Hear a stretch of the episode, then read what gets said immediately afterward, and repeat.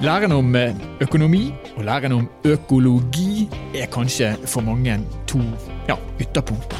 I hvert fall dersom man tenker på tradisjonell økonomi, som er opptatt av maksimering av overskudd, maksimering av avkastning, som jo er ganske vanlig. Men økologisk økonomi er faktisk òg et begrep, og det skal vi få høre mer om nå. Dette er Nord-Norge i verden. Mitt navn er Stein Vidar Loftaas.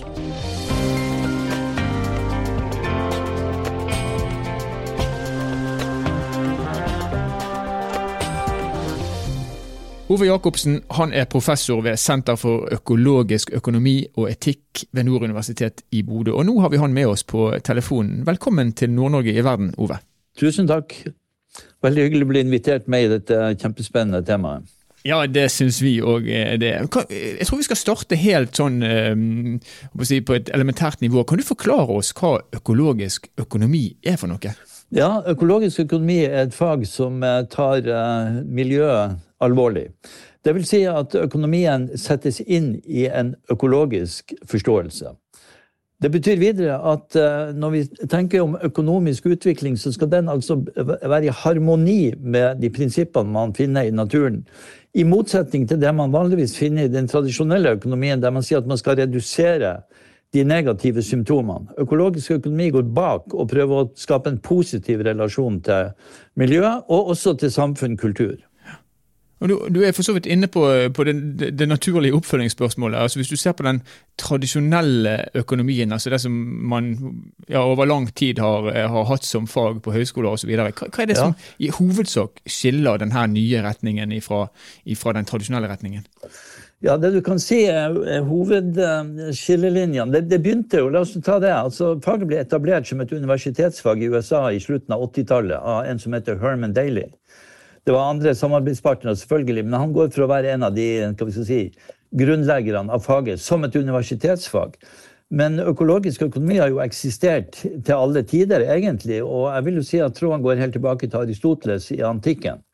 Det som da er kjernepunktet i økologisk økonomi, det er å bidra til det gode liv i det gode samfunn. Den eh, klassiske økonomi og den neoklassiske økonomi, som har la oss si, en 200 års eh, erfaring, Eh, i forhold til økologisk økonomi, som jeg da vil si har i hvert fall 2000 års bakgrunn, så, så er altså skillelinja her at i den økologiske økonomien så snakker man om samarbeidende nettverk. Istedenfor definisjonen som man finner i en tradisjonell økonomi, markedet som en konkurranse mellom autonome aktører.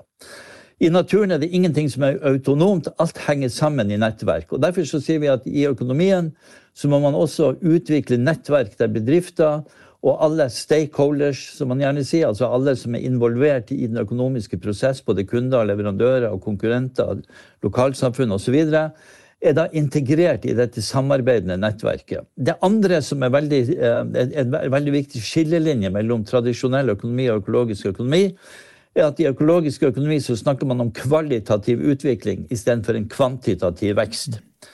Og jeg mener jo at det, det, altså Når man ser på, på, de problemene som følger av en tradisjonell økonomisk tenkning, så er det bare å se på FN 17 bærekraftsmål. Der er det jo beskrevet avstand mellom fattig og rik, miljøproblemer av forskjellig slag. Altså Alle disse tingene som er beskrevet i bærekraftsmålene, kan du på en eller annen måte føre tilbake til et økonomisk system som er i konflikt med naturen, og som også har eh, veldig liten forankring i kulturelle, humanistiske verdier. Skjønner.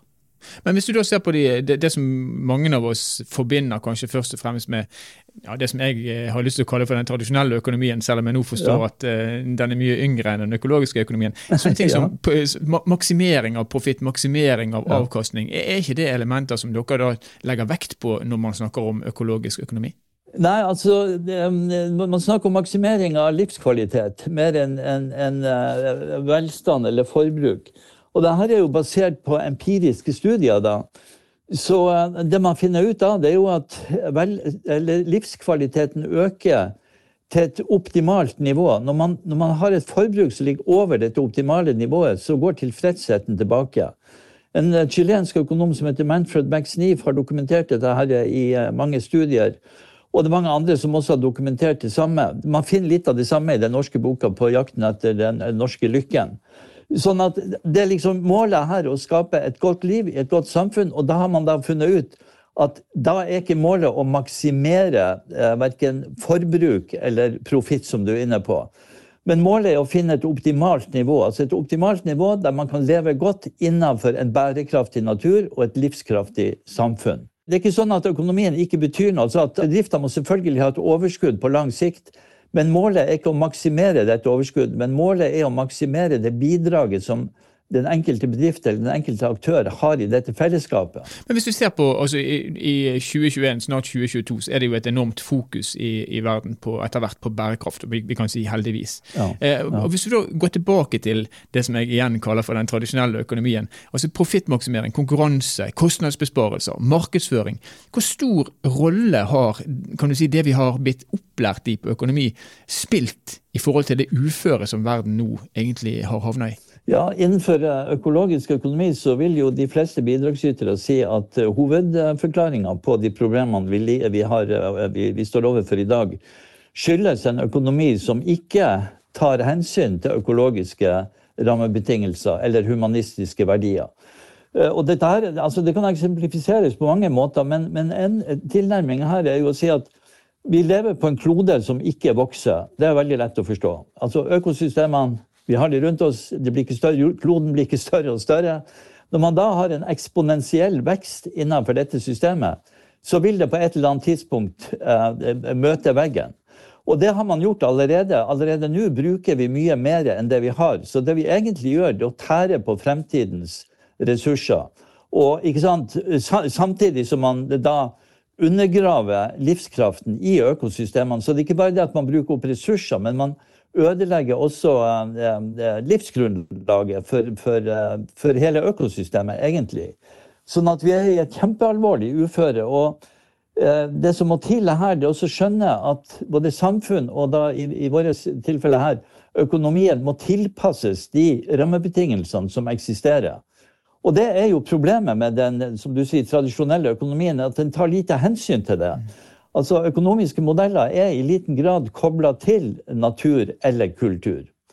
Så eh, der har, du, der har, du, kjernen til problemet, og det er det jo flere og flere som, som innser. I den forbindelsen kan jeg også nevne at både Adam Smith og John Stuart Mill, altså de som står i, i, i startfasen av den moderne markedsøkonomi, sa jo at vekst er noe som kan foregå i en periode, men vi kommer til et punkt der veksten må stoppe. Så dette er ikke noe nytt, det er ikke noe man har oppdaga nå. Dette er noe som man egentlig har visst hele tida. Men i en lang periode så har vi glemt det på en måte. Men nå er det tilbake med full kraft. Så, så det finnes utallige bidrag, forskning og økonomer og folk fra andre fagområder, ikke minst fra økologien og samfunnsfag, som ser at vi i dag krever en mer grunnleggende endring i økonomisk tenkning og praksis. Det er ikke nok med små justeringer, sånn som man har hatt hittil. Og det viser jo egentlig alle studier òg, at situasjonen blir jo ikke bedre. Du kan godt si det blir litt mindre verre, men, men eh, det å snu rundt og komme inn på en positiv sti, det er liksom utfordringa i dag. Og der mener jeg at økologisk økonomi har et kjempeinteressant bidrag. Og Da kan man jo selvfølgelig si at du er professor og du, du representerer jo da utdanningssektoren i, i landet, og åpenbart eh, har sett faresignalene og ønsker å gjøre noe med det gjennom å innføre dette, gjeninnføre dette begrepet. Men hvis vi da ser på det tradisjonelle utdanningssystemet i Norge, ja. har vi vært flinke nok til å endre utdanningsretningene sånn at de bærekraftige løsningene blir pensum, for å si det på den måten? Vi kan vel ikke si det, men eh, på den annen side sett så har det i veldig mange år vært eh, si, personer på de forskjellige institusjonene som har inspirert en sånn utvikling. Min inspirasjon kom jo fra Norges handelshøyskole og min veileder på doktorgraden der, som heter Leif Holberg Hansen, og som var veldig opptatt av eh, på slutten av 80-tallet veldig opptatt av dette her med bærekraft, dette med å ha en økonomi som er rettferdig, at du fordeler godene på en rettferdig måte han kalte det for samarbeidsøkonomi. Så um, allerede der, altså på Norges handelshøyskole, fantes det en kime til denne måten å tenke på for veldig lenge siden. Men i Bodø så tok vi opp dette faget på handelshøyskolen her i, i 394, og har siden utvikla både forskning og mange studietilbud innenfor fagfeltet. Så det er absolutt et levende fagfelt. Og vi har samarbeida, det må jeg også få lov å understreke, på de aller fleste universiteter i landet her med enkeltpersoner da, som er opptatt av å arbeide med denne, med denne type problemstilling. Så det fins. Ja. Men du kan ikke si at det preger studieplanen akkurat. Det, det, vil, være, det vil være, en, en overdrivelse. Ja. Det er jeg helt sikker på at du har tenkt å gjøre noe med. Men hvis, hvis du ser, eh, ser fremover fordi du, du, nevner nå at det har vært på, på studieplanen siden midten av 90-tallet, men bærekraft har jo fått et sterkere og sterkere fokus. Hvordan tror du at den utviklingen som kloden eh, Altså det vi ser nå eh, over hele kloden, hvordan kommer den utviklingen til å påvirke den økonomiske tenkningen vår fremover, tror du? Ja, altså um, vi arbeider ut fra det er Et spørsmål er veldig interessant. for det, Her er det tre måter å tenke på. Den ene måten er å tenke prognoser. Hvordan ser det ut som utviklinga kommer til å gå, ut fra tilgjengelig informasjon. Og de prognosene man har, de er jo ikke akkurat veldig positive. da. Det ser, det ser ikke bra ut. Så har du en annen type forskning som går på det her med skenario. Altså du lager forskjellige utviklingsbaner. Du kan ha en positiv og en negativ og en i midten, på en måte. Og eh, der har vi jo da ifølge mange studier, bl.a. Eh, det som Jørgen Randers har gjort, tidligere rektor ved BI, har jo funnet ut av at vi har valgt det dårligste alternativ gjennom veldig mange år nå. Sånn at vi, er, vi kommer inn på et veldig dårlig spor. Men det som jeg arbeider mest med for tida, det er noe som vi kaller for utopiforskning. Og der er ikke spørsmålet hvordan verden kommer til å bli, men der er spørsmålet hvordan vi vil verden skal bli. Så vi driver en masse studier rundt omkring. Vi har noe som vi kaller for et utopiverksted, der vi prøver å få lokalbefolkning i tale. Hvordan ønsker du at ditt lokalsamfunn skal bli i fremtida? Og da får vi et fantastisk eh, bilde av en fremtid som preges av livskvalitet, humanistiske verdier, mye mer enn at de sier at de vil ha større og større hus og flere og flere biler, enten de er elektriske eller hva det nå er. Sånn at, at det, det, ligger liksom en kime i folk til å velge en annen utviklingsretning enn den vi er vant til å bli eh, vi si, fora med, der både politikere og økonomer sier at vi må ha vekst. Vi må ikke ha vekst, vi må ha kvalitativ utvikling. Og det som, det som vi da oppfatter som det veldig positive her, det er at dette er noe som folk flest opplever som veldig sentralt i sine egne liv. Så om vi klarer å snu denne utviklinga eller ikke, ja, det er ikke godt å si. Men det er i hvert fall en, en, en absolutt en mulighet og som, som, er veldig inspirerende å arbeide med. Rett og slett fordi at vi merker en sånn enorm positivitet blant vanlige, levende mennesker i lokalsamfunn. Ser dere det også, kan jeg spørre om det, på de som, de som er økonomi, altså tradisjonelle økonomistudenter på Nord universitet. Er det en endring hos si, den enkelte elev eh, i forhold til det man så for noen år tilbake? Ja, det, det, er helt åpenbart at de, at de dystre spådommene som kommer gjennom eh, flere og flere forskningsrapporter, gjør inntrykk på ungdommen. Eh, det som jeg er litt redd for, det er at dette inntrykket skal, skal føre til at man blir engstelig og liksom mister trua på fremtida osv. Så, videre, og så, videre. så derfor så tenker jeg at den, min viktigste oppgave er egentlig å spore opp alle de positive utviklingstrekk som finnes rundt oss. For dem er det mange av, både i Norge og ikke minst i verden rundt oss.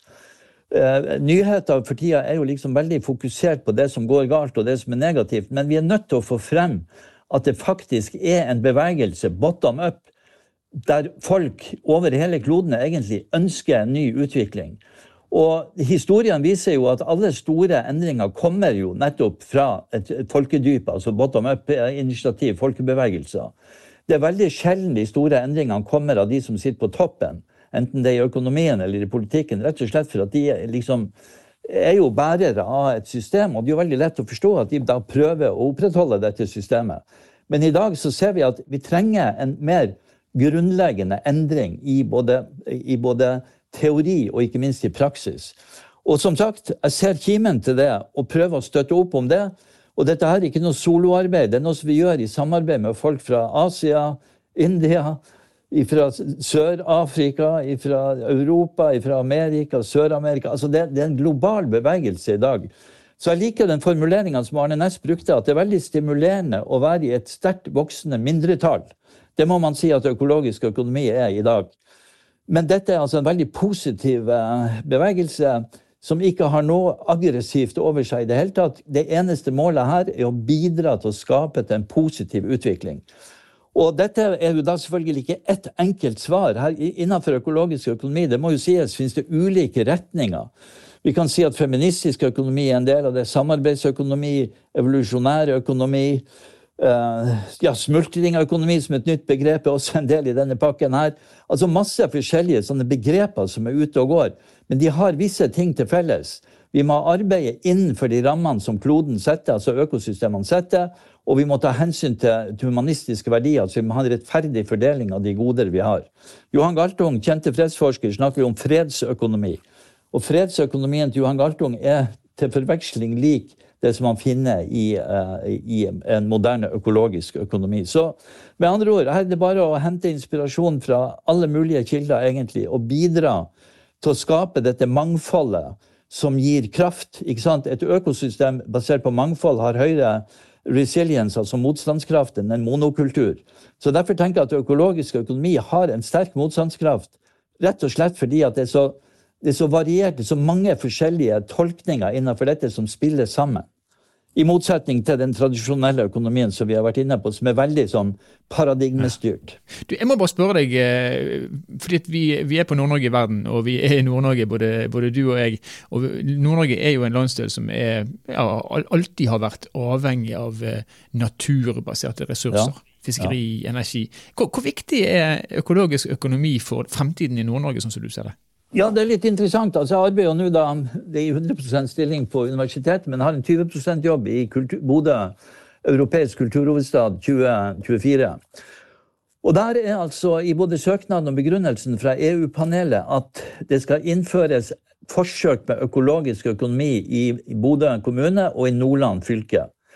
Så nå arbeider jeg med flere prosjekter der, både med lokal mat for lokale markeder og et sånt nettverk av små og mellomstore bedrifter og vi har også fått inn økologisk økonomi 1 og 2 som, som et programfag på videregående skole, så det skjer masse.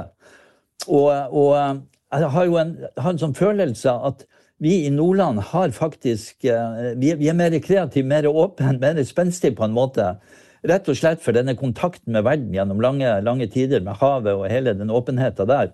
Sånn at skal det skje noe, så har jeg en følelse at vi kan gå foran, rett og slett veldig motiverende. Og vi merka det på sånne vi si, tilbakemeldinger fra andre eh, samarbeidspartnere, både i Norge og utenfor Norge, at de er veldig spent på om vi klarer å få til en sånn eh, endring i den eh, nordnorske, må vi vel kunne få lov å si, samfunnsutviklinga.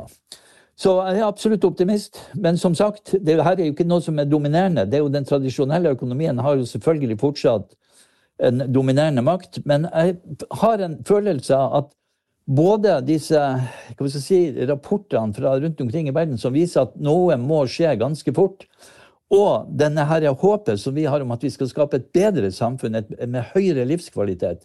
Altså Vi skal dras inn i en fremtid som vi ønsker, istedenfor å bli skremt inn i den av alle disse dystre spådommene som kommer fra flere og flere hold. Så økologisk økonomi i min tolkning er altså en optimistisk sak. Vi ønsker oss inn i en bedre fremtid, og dette ønsket skal dra oss inn i, i denne bevegelsen, denne endringa, i stedet for som mange gjør i dag, reiser rundt og forteller om at hvis ikke vi gjør sånn og sånn, så kommer det her til å gå helt galt. Det er ikke veldig motiverende. Det er mye mer motiverende å tenke at vi skal bidra til å skape et bedre samfunn. Tusen takk for at du kunne være med oss, professor Ove Jacobsen fra Nord universitet i Bodø. Utrolig fint å høre på de oppsummerende uttalelsene til professor Ove Jacobsen, som var prega av optimisme. Og Så får vi se da om økologisk økonomi etter hvert blir et begrep som ja, blir integrert i økonomisk utdanning, og i hvert fall sidestilt med den tradisjonelle økonomien. For vi får vel ikke til den endringen vi trenger hvis ikke det blir en integrert del av utdanningsløpene. Både på økonomi og sikkert også på alle andre fagfelt. Nordland fremst i Norge, kanskje fremst i Europa. Nord-Norge er i tet, så får vi håpe at Troms og Finnmark og resten av Norge etter hvert ja, følger i fotsporene til Ove Jacobsen og Nord universitet. Nord-Norge i verden er en podkastserie som er laga av eh, Sparebank1 Nord-Norge i samarbeid med Helt Digital. Musikken du har hørt er laga av Emil Karlsen. Mitt navn er Stein Vidar Loftaas. Vi høres igjen i neste episode.